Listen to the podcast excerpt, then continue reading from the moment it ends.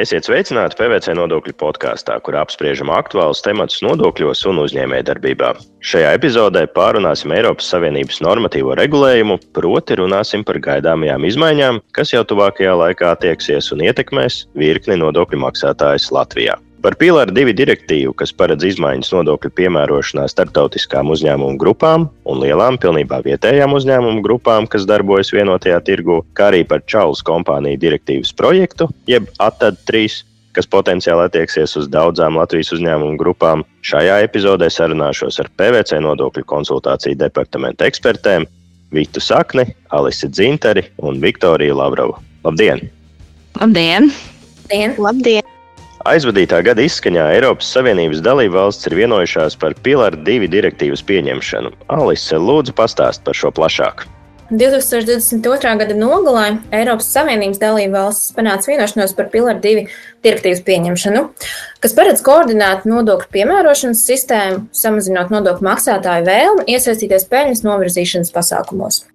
Proti, samazinās, samazinās nodokļu maksātāju vēlmi pārcelt savus uzņēmumus uz valstīm ar zemāku nodokļu slogu. Tas tiks panākts īstenojot direktīvas globālos nodokļu bāzes samazināšanas novēršanas noteikumus, kur tiek noteikta minimālā nodokļa likme 15% apmērā, kas katrā valstī ir jānomaksā. Dalību valstīm ir jāievieš direktīvas normas savos tiesību aktos līdz 2024. gadam, izņemot nepietiekami aplikt maksājumu noteikumus, kas būs jāievieš no 2025. gada. Saki, kādi konkrētāk nodokļu maksātāji tiks pakļauti direktīvas tvērumam? Pilnīgi divi direktīvas tvērums paredz, ka paraugu noteikumi attieksies uz lielām starptautiskām grupām un lielām pilnībā vietējām uzņēmumu grupām, kur minimālais konsolidētais apgrozījums vismaz divos no iepriekšējiem četriem pirmstaksācijas gadiem būs bijis vismaz 750 miljoni eiro.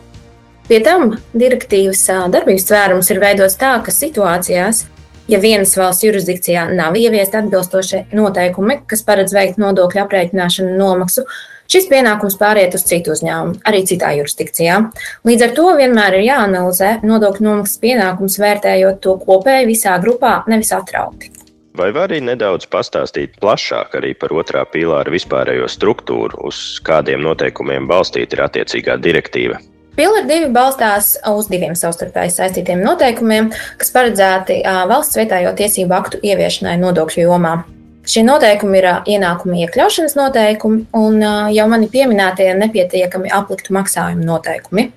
Ienākuma iekļaušanas noteikumi paredz galvenajam grupas uzņēmumam pienākumu piemaksāt nodokļu starpību, jeb virsnodokli, kas veidotos starp noteikto minimālo nodokļu likmi 15% apmērā un meitas uzņēmumam pa valstīm aprēķināto efektīvo uzņēmumu ienākumu nodokļu likmi. Priekšlikums paredz virsnodokļu piemērošanu arī pašam galvenajam uzņēmumam.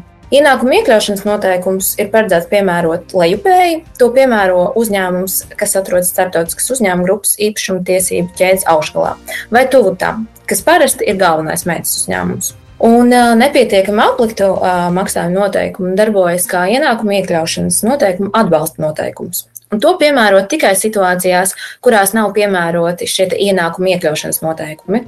Šādas situācijas ir piemēram, kad uh, meitas uzņēmuma, mācīs uzņēmuma jurisdikcijā trešās valstis un teritorijas nepiemēro atbilstošo ienākumu iekļaušanas noteikumu un rodas zems uh, nodokļu piemērošanas līmenis. Un tas uzliek pienākumu grupas uzņēmumiem aprēķināt un veikt šo virsnodokļu nomaksu. Vita, varbūt tu vari ieskicēt, kā tiek piemērots un nomaksāts šis virsnodoklis.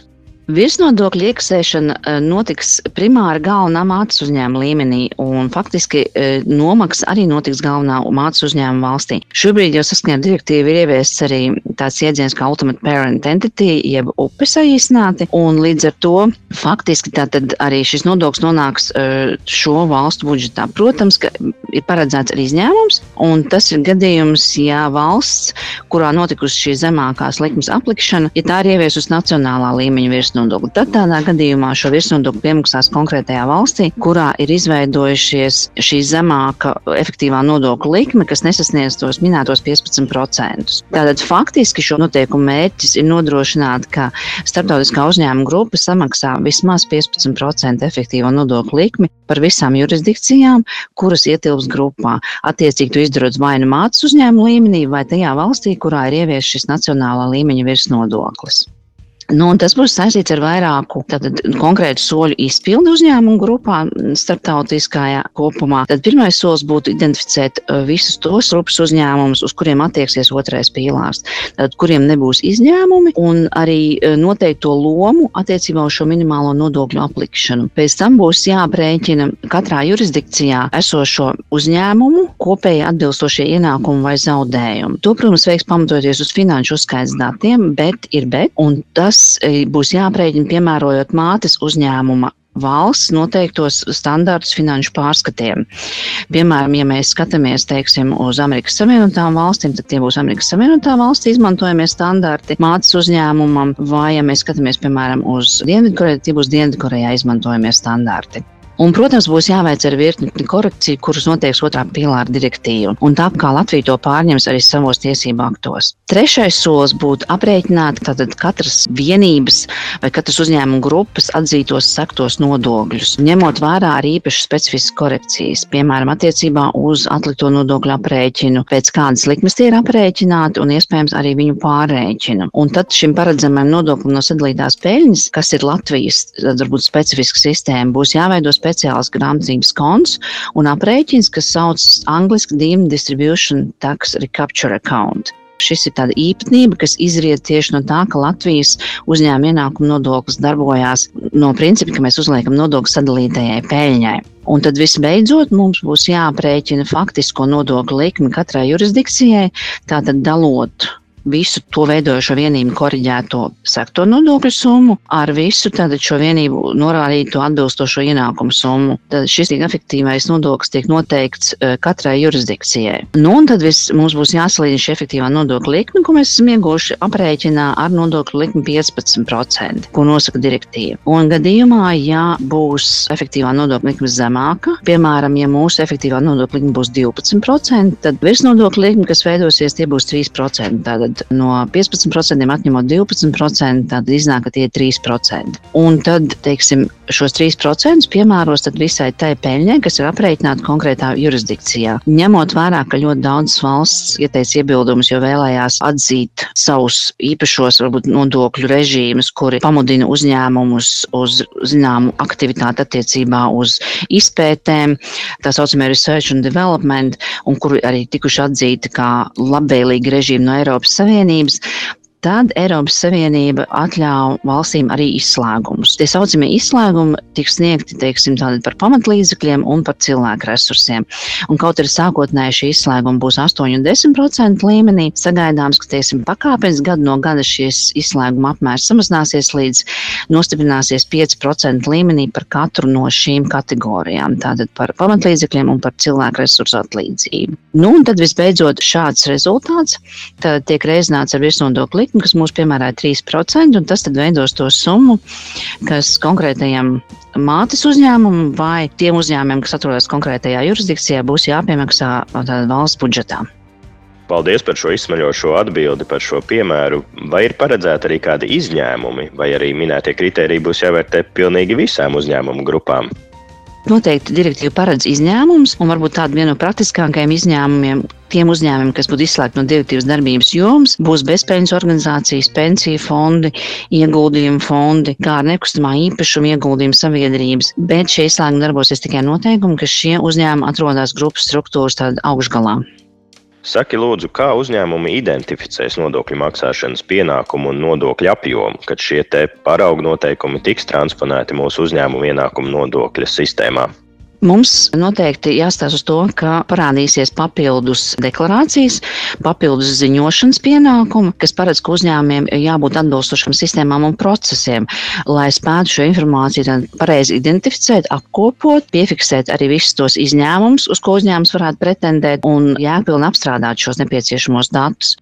Un šie aprēķini, kas būs nepieciešami tādām deklarācijām un, un informatīviem paziņojumiem, visticamāk, tie atšķirsies jau no esošajām pārskatu sniegšanas prasībām. Un līdz ar to mēs sagaidām, ka faktiski esošajām nodokļu grāmatvedības komandām būs ļoti cieši jādarbojās ar centrālo uzņēmumu, jeb UPE, tātad galveno uzņēmumu komandām, lai spētu nodrošināt, ka tie dati, kas tiek piegādāti šiem centrālajiem uzņēmumiem, ka viņi ir korekti, pareizi un ka tie tiek ņemti vērā, lai izmantot visas arī tās prasības, ko direktīva dod, un arī tās iespējas, ko direktīva dot īpaši par izslēgumiem. Šeit es gribētu atsaukties uz mūsu PricewaterhouseCoopers tīkla Beļģijas uzņēmuma kolēģi izstrādāto rīku Marta, kas ir speciāli izveidots instruments, lai paredzētu un varētu precīzi aprēķināt otrā pilāra ietekmi uz uzņēmumu grupu, ieviešanas sekas un arī agrīņot diagnosticētu, kādus tad uh, informācijas, teiksim, vienības vajadzētu, teiksim, uzņēmumam, uzņēmumu grupai saņemt no saviem grupas, teiksim, dalībniekiem. Ja? Līdz ar to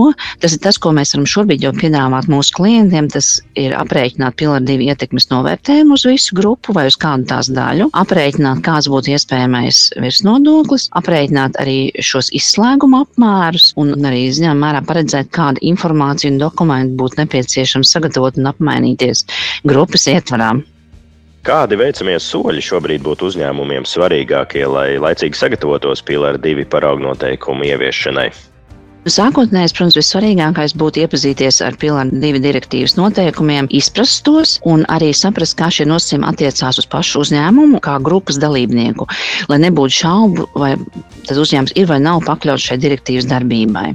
Vairums uzņēmumu, kur Latvijā būs pakļauti pilāri divi un ietilps tajā tvērumā, būs lielu grupu meitas uzņēmumu. Tātad šeit faktiski šo uzņēmumu finanšu funkcijas vadītājiem būs jānodrošina šī informācijas plūsma galvenajam uzņēmumam, un tas būs noteikti citā griezumā un citas vadības atskaits nekā tas bija ierasts. Līdz ar to noteikti būtu jāveic arī agrīna apzināšana par pilāri divu ietekmu uz visu grupu, lai spētu pielāgot sistēmas un ieviest jaunus procesus, un arī saprast, kur no izvēles noteikumiem direktīvā būs svarīgi un iespējams arī apzināties, kurus izvēles noteikumus tad grupa vēlētos, lai tiktu pārņemt Latvijas tiesību aktos. Un attiecīgi par to arī runāt ar savu nozares asociāciju un mēģināt virzīt šīs idejas tālāk.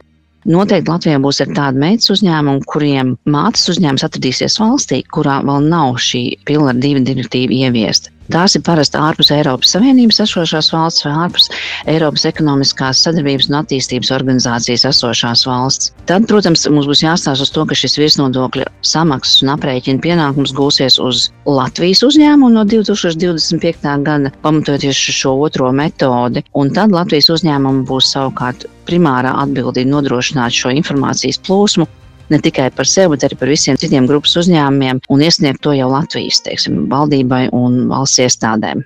Kā jau raidierakstā ievadā minēju, Pilāra divi nebūtu nav vienīgās izmaiņas, kas jau pavisam drīz ietekmēs virkni nodokļu maksātājus Latvijā.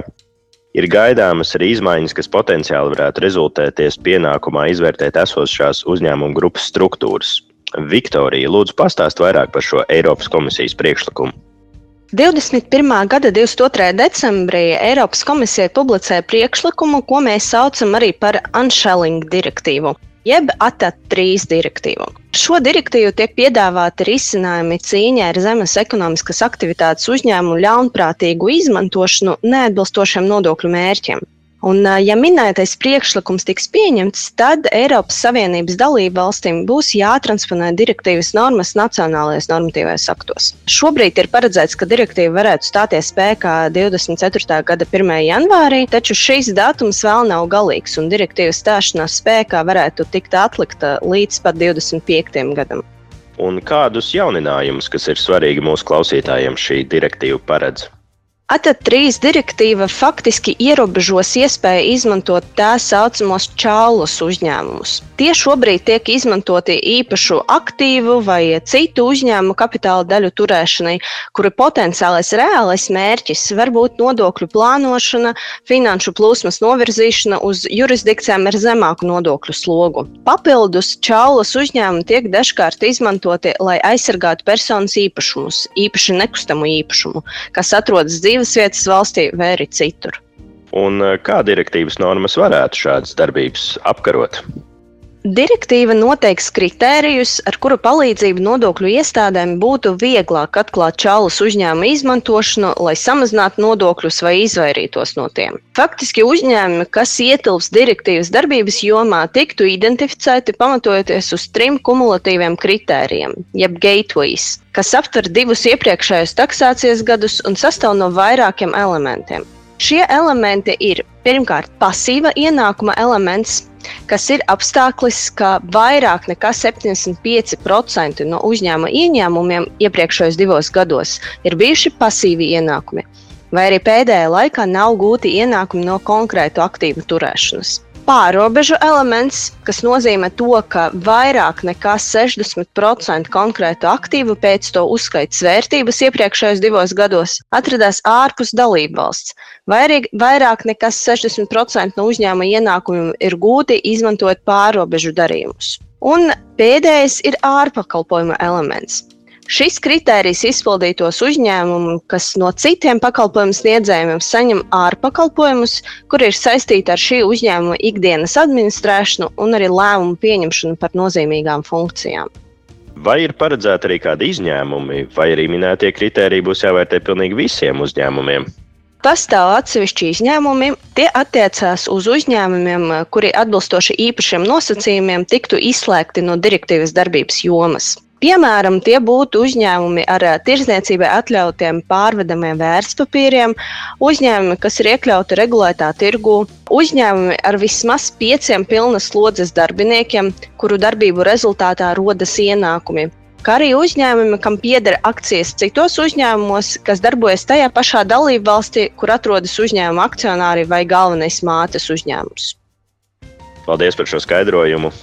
Vita, vai vari padalīties ar praktiskiem ieteikumiem saistībā ar ATAD 3 direktīvas pieņemšanu? Es nešaubos, ka tev noteikti tāda ir. Stājoties spēkā ATAD noteikumiem, Es noteikti saskatītu to, ka uzņēmuma grupām būtu nepieciešams pārskatīt savu struktūru. Ir sevišķi, mēs runājam par tādām struktūrām, kur ir vairāk pakāpju holdinga sabiedrības, kurām varbūt ir tikai un vienīgi nozīme finansējuma nodrošināšanā vai grupas aktīvu turēšanā. Un būs jāskatās un jānodrošina, ka visi grupā iekļautie uzņēmumi faktiski uzņemas funkcijas, kas pārsniedz tikai un vienkārši šādu holdinga sabiedrību aktīvu pārvaldīšanas darbības. Līdz ar to tiklīdz tiek noteikti, ka ir kāda uzņēmuma ar šādu samazinātu ekonomisko aktivitātu uzņēmumu grupā. Par šiem uzņēmumiem būs jālem īpaši un būs jādomā, vai nu tos būs jāpievieno pie kāda uzņēmuma, kurš nodarbojās ar ikdienas komerces darbības funkcijām, vai arī alternatīvi vajadzēs pārskatīt vispār funkciju sadali visā grupas uzņēmumu kopumā un jau novirzīt konkrētas funkcijas uz šiem uzņēmumiem, tādējādi nodrošināt, ka tie vairs nav čālus uzņēmumi un ka Viktorijas minētie kritēriji netiek izpildīti Un šis uzņēmums tāds var turpināt baudīt visus tos labumus, ko tas varētu normāli sagaidīt no tā tiesiskā režīma, kas darbojas attiecīgi konkrētajā valstī. Ja es pareizi sapratu, direktīva vēl nav pieņemta. Vai mums būtu par šo jāuztraucas jau tagad? Es teiktu, ka būtu jāuztraucās, jo direktīva ir faktiski divus soļus no pieņemšanas procesa pabeigšanas, ir būtiski saprast to, ka uzņēmējiem, kas ir nodokļu rezidenti Eiropas Savienībā un ietilps direktīvas darbības jomā, nākotnē jāplāno jau tagad, lai nepakļautu liekam riskam, teiksim, kas izrietēs no nepiemērotas grupas struktūras vēlāk, kad direktīva tiks pieņemta. Jāņem arī vērā to, ka teiksim, šie visi labumi, kas pienākās mums attiecībā no nodokļu eh, sistēmām, kas ir konkrētajā valstī pastāv un ko gūst uzņēmumi vai akcionāri saskaņā ar Eiropas Savienības direktīvām un nodokļu konvencijām, varētu būt nepieejami gadījumos, ka konkrētais uzņēmums tiks atzīts par čālus uzņēmumu. Un līdz ar to uzņēmumu čālus uzņēmumu izslēgšanu kā pievienojot vai mainot funkcijas, varētu būt diezgan ilgs process, kas varētu prasīt gadu. Un līdz ar to arī mēs šeit runājam par to, ka mēs skatīsimies, lai netiktu piemērots arī sods teiksim, šādām uzņēmumu grupām, kas varētu būt noteiktā procentuālā summā no apgrozījuma, kas, protams, skaidrs, ka būs katras valsts prerogatīva to noteikt. Faktiski, ja mēs skatāmies šobrīd, tad ATR trīs kritēriju izpildē būs paliekošs un iespējas uz nodokļu piemērošanu ar uz apvienošanās un pārņemšanas darījumiem, kas ir veikti sākot ar 2022. gada 1. janvāri. Līdz ar to tas ir ne tikai grupām, kas kurā pašreiz ir holdinga uzņēmumu struktūras, bet faktiski arī tām holdinga struktūrām, kas veidosies no pagājušā gada vai veidojušās no pagājušā gada 1. janvāra. Un ņemot vērā šo potenciālo retrospektīvo periodu, būtu būtiski, lai uzņēmumu vadītāji un arī cilvēki, kuriem viņi uzticās kā biznesa konsultantiem, sāktu rīkoties un kritiski izvērtēt to, vai uzņēmuma grupa atbilst šiem gateway vārtu kritēriju kopumam, kā arī nodrošināt saulēcīgi, lai grupā notiktu jēgpilnas izmaiņas, kas ir pamatotas ar tās ikdienas komercdarbību, lai tos uzņēmumus, kuri ir visriskantākie attiecībā no tad trīs, lai tie tiktu izņemti no šī riska ietvara un turpinātu eksistēt kā pilnvērtīgi uzņēmumi. Vai es pareizi sapratu, ka nodokļu iestādes potenciāli varētu vērsties pie uzņēmumiem, kuros jau šobrīd ir eh, risks, ka izpildās jūs iepriekš pieminētie kritēriji? Principā tas varētu notikt arī jau šobrīd, jo mēs skatāmies, tad eh, zema ekonomiskā aktivitāte un faktiski tie trīs kritēriji, kurus mēs pazīstam un pieņemsim kā gateway kritērijus, tie ir tie kritēriji, kas norāda to, ka uzņēmums praktiski izpilda tikai kaut ko ļoti ierobežotu funkcionālā ziņā, un tāpēc tam ir ekonomiskā būtība ir apšaubāma.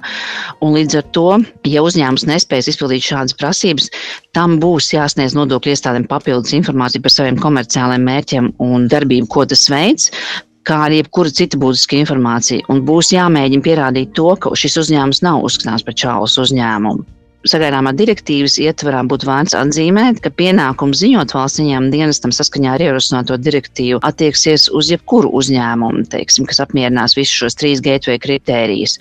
Un pat ja galu galā tiks panākt vienošanās, šī vienošanās tomēr būs terminēta. Tā varētu būt tikai gadu ilga, un šīs terminētības dēļ tātad šim uzņēmumam faktiski būs visu laiku jābūt pastāvīgā starmešu gaismā no valsts iestādēm, lai pierādītu, ka tas nav čālus uzņēmums. Vita, kā tu ieteiktu rīkoties, ko tu ieteiktu darīt mūsu klausītājiem jau tagad? Kā uzņēmumiem saulēcīgi sagatavoties ATAT 3? Saulēcīga sagatavošanās šī gadījumā būtiski būtu uzsvērt, ka mums jāņem vērā to, ka valsts dienesta prakse atklāsies tikai pēc zināma laika. Pirmkārt, tad trīs noteikumi tiks pārņemti droši vien pēc kaut kāda ilgāka teiksim, perioda. Mēs šobrīd runājam par 12 mēnešiem. Ja? Un arī ziņojums, ko uzņēmums sāks iesniegt vidam, lai parādītu, vai viņi izpilda vai neizpilda, vai ir notikusi zinām vienošanās ar valsts ieņēmumu dienas par to, ka kaut arī gateway kriteriju izpildīt uzņēmums var turpināt izmantot šos eh, labumus, ko jums sniedz konvencijas. Līdz ar to, teiksim, šī visa pamatojuma bāze faktiski veidosies zināmā laika periodā. Tāpēc e, šobrīd teiksim, tiem uzņēmumiem, lai būtu pierādīti tie, ka viņi neatbilst šiem kritērijiem, un vai ka viņu jēga un ekonomiskā būtība ir daudz lielāka nekā tikai kaut kādas holding funkcijas, šiem uzņēmumiem būs jāsagatavo aizstāvības teiksim, dokuments, ja tā varētu viņu nosaukt, jeb defense file, kā mēs viņu sauktu angliski, lai pierādītu to, ka uzņēmuma darbība pārsniedz un ir būtiskāka nekā tikai šie vienkāršie kritēriji, kas ir čālus uzņēmumiem. Tāda aizstāvība Analīzes failā noteikti mēs ieteiktu iekļaut arī analīzi par vairāk pakāpju grupu struktūru, par funkciju sadalījumu starp grupas uzņēmumiem, pamatojot to ekonomiskās funkcijas un saistību ar tā rezidences valsti. Pastāvīgi sagatavojot un arī papildinot šo aizstāvības failu, tad uzņēmumiem jau laicīgi palīdzētu gatavoties un novērst riskus, ka jau šobrīd teiksim, varētu viņiem nokļūt šī riska zonā attiecībā uz ATAD 3. Kā arī faktiski vairot vienkārši drošības sajūtu par savu biznesa procesu nepārtrautīgumu, par iespējām izmantot nodokļu konvencijās un Eiropas Savienības teiksim, direktīvās noteiktos nodokļu labumus uzņēmumu grupām. Un, protams, ka mēs kā Pricewaterhouse konsultanti priecāsimies palīdzēt sagatavot šādu failu, ja uzņēmumu būs būs nepieciešama. Paldies par sarunu un paldies, ka ieskicējāt gaidāmās izmaiņas nodokļu regulējumā.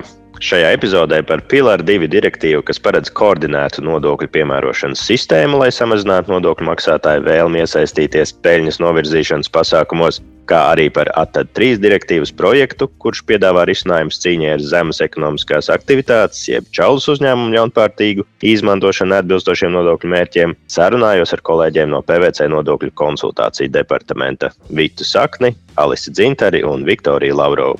Mans vārds ir Kalvis Gavars. Paldies jums, ka klausījāties un uz tikšanos nākamreiz!